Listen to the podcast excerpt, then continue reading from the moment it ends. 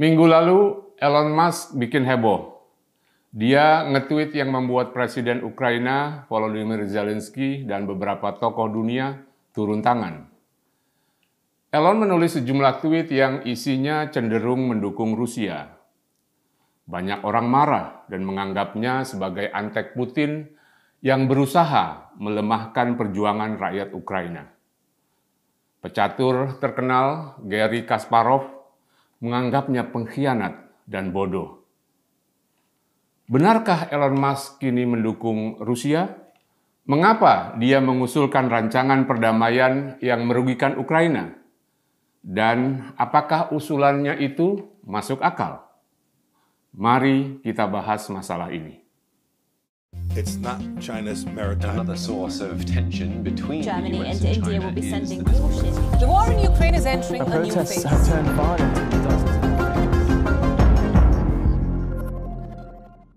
Ketika perang Ukraina pecah, Elon Musk adalah salah satu tokoh dunia yang mengecam invasi Rusia. Secara terbuka, dia mendukung Ukraina. Tak cuma bicara, Elon juga menunjukkan simpatinya dengan mengirimkan perangkat penerima Starlink ke Ukraina. Starlink adalah satelit internet milik Elon Musk. Saat itu, akibat serangan Rusia, banyak fasilitas Ukraina yang hancur, termasuk akses internet. Sebagian besar netizen bersorak gembira menyambut inisiatif baik Elon Musk. Menteri Transformasi Digital Ukraina, Mikhailo Fedorov, mengucapkan terima kasih atas bantuannya. Sejak saat itu, Elon Musk dipandang sebagai pendukung Ukraina, apalagi dalam beberapa tweetnya, dia menantang Vladimir Putin untuk berkelahi. Meskipun hanya bercanda, Elon ingin menunjukkan kepada dunia bahwa dia anti Putin dan tidak suka dengan invasinya ke Ukraina. Tapi serial tweetnya tentang rancangan damai itu membuat banyak orang kecewa. Jangan-jangan Elon sudah membelot menjadi pendukung Rusia.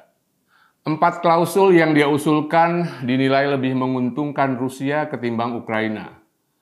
Apa yang dia sebut sebagai peace plan atau rancangan damai tak lebih dari sekadar kampanye pro-Rusia. Bagi Anda yang tidak mengikuti tweet Elon Musk, saya akan menjelaskannya. Intinya ada empat poin yang diajukan Elon Musk sebagai prasyarat perdamaian Rusia dan Ukraina. Pertama, dia mengusulkan agar dilakukan referendum ulang di wilayah-wilayah yang sudah jatuh ke tangan Rusia. Referendum ini harus diawasi oleh PBB.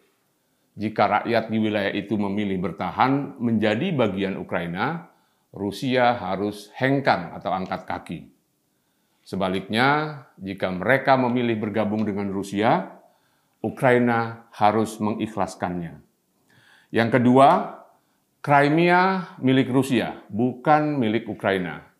Menurut Elon, Rusia sudah memilikinya sejak tahun 1783. Apa yang dilakukan Presiden Nikita Khrushchev dengan memberi provinsi itu kepada Ukraina pada tahun 1954 adalah sebuah kesalahan. Nah, yang ketiga, pasokan air di Crimea harus dijamin kelancarannya. Poin ini terkait dengan dampak perang yang membuat Crimea kesulitan air. Sedangkan yang keempat, Ukraina harus tetap netral, niatnya untuk bergabung dengan NATO harus diurungkan. Yang menarik, di bawah klausul itu, Elon mengajukan pertanyaan kepada followersnya.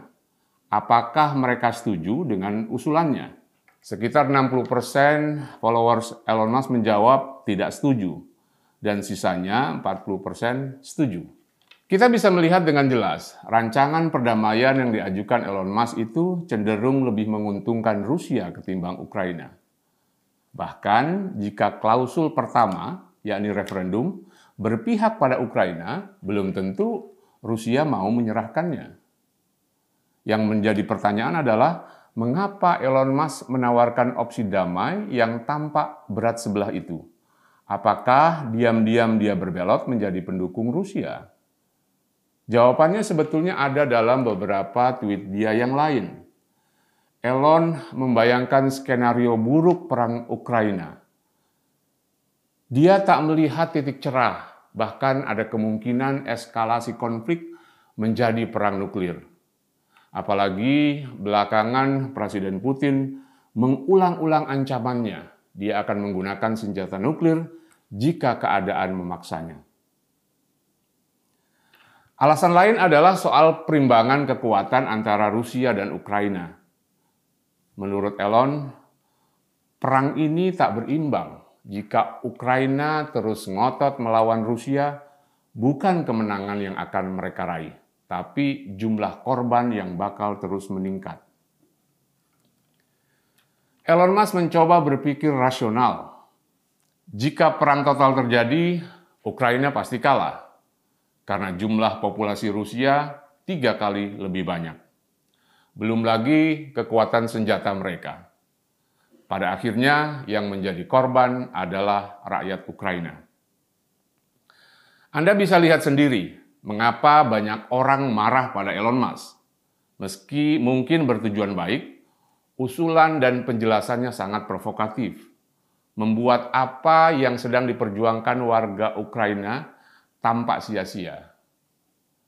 Bagi Ukraina dan para pendukungnya, apa yang dilakukan Elon Musk tak lebih dari propaganda Kremlin. Tak ada jaminan bahwa Rusia mau mematuhi klausul perdamaian yang ditawarkan Elon itu. Klausul pertama misalnya, apa jaminan bahwa Rusia mau menarik diri dari wilayah yang sudah dikuasainya? PBB bukanlah lembaga yang ditakuti Presiden Putin.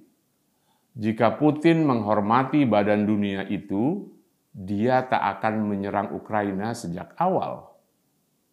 Mengusulkan agar Ukraina bersikap netral jelas-jelas bertentangan dengan kredo kebebasan yang selalu disuarakan Elon Musk sendiri memilih bergabung ke Uni Eropa atau menjadi anggota NATO adalah hak rakyat Ukraina. Mengapa Elon harus melarangnya? Elon Musk juga dianggap tidak konsisten.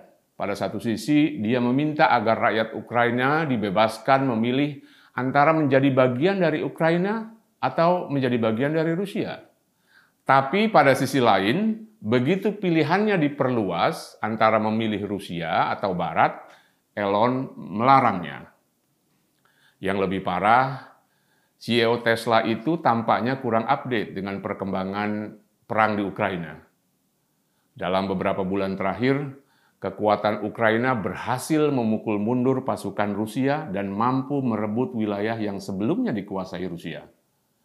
Jangan heran kalau beberapa orang mencibirnya sebagai selebriti yang hanya mencari sensasi.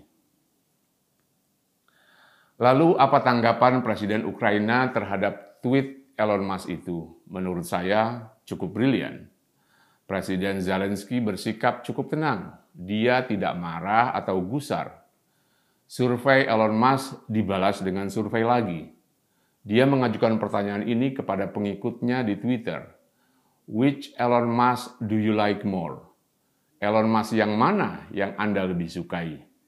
Yang mendukung Ukraina atau yang mendukung Rusia. Sekitar 78% orang menjawab lebih menyukai Elon Musk yang mendukung Ukraina. Hanya 22% yang menyukainya mendukung Rusia. Nah, Anda sendiri suka pada Elon Musk yang mana? Yang mendukung Rusia atau yang mendukung Ukraina? Tulis jawaban Anda di kolom komentar di bawah ini. It's not China's maritime. Another source of tension between Germany the US and India China will be sending the- warships. The war in Ukraine is entering The a new protests phase. have turned violent in dozens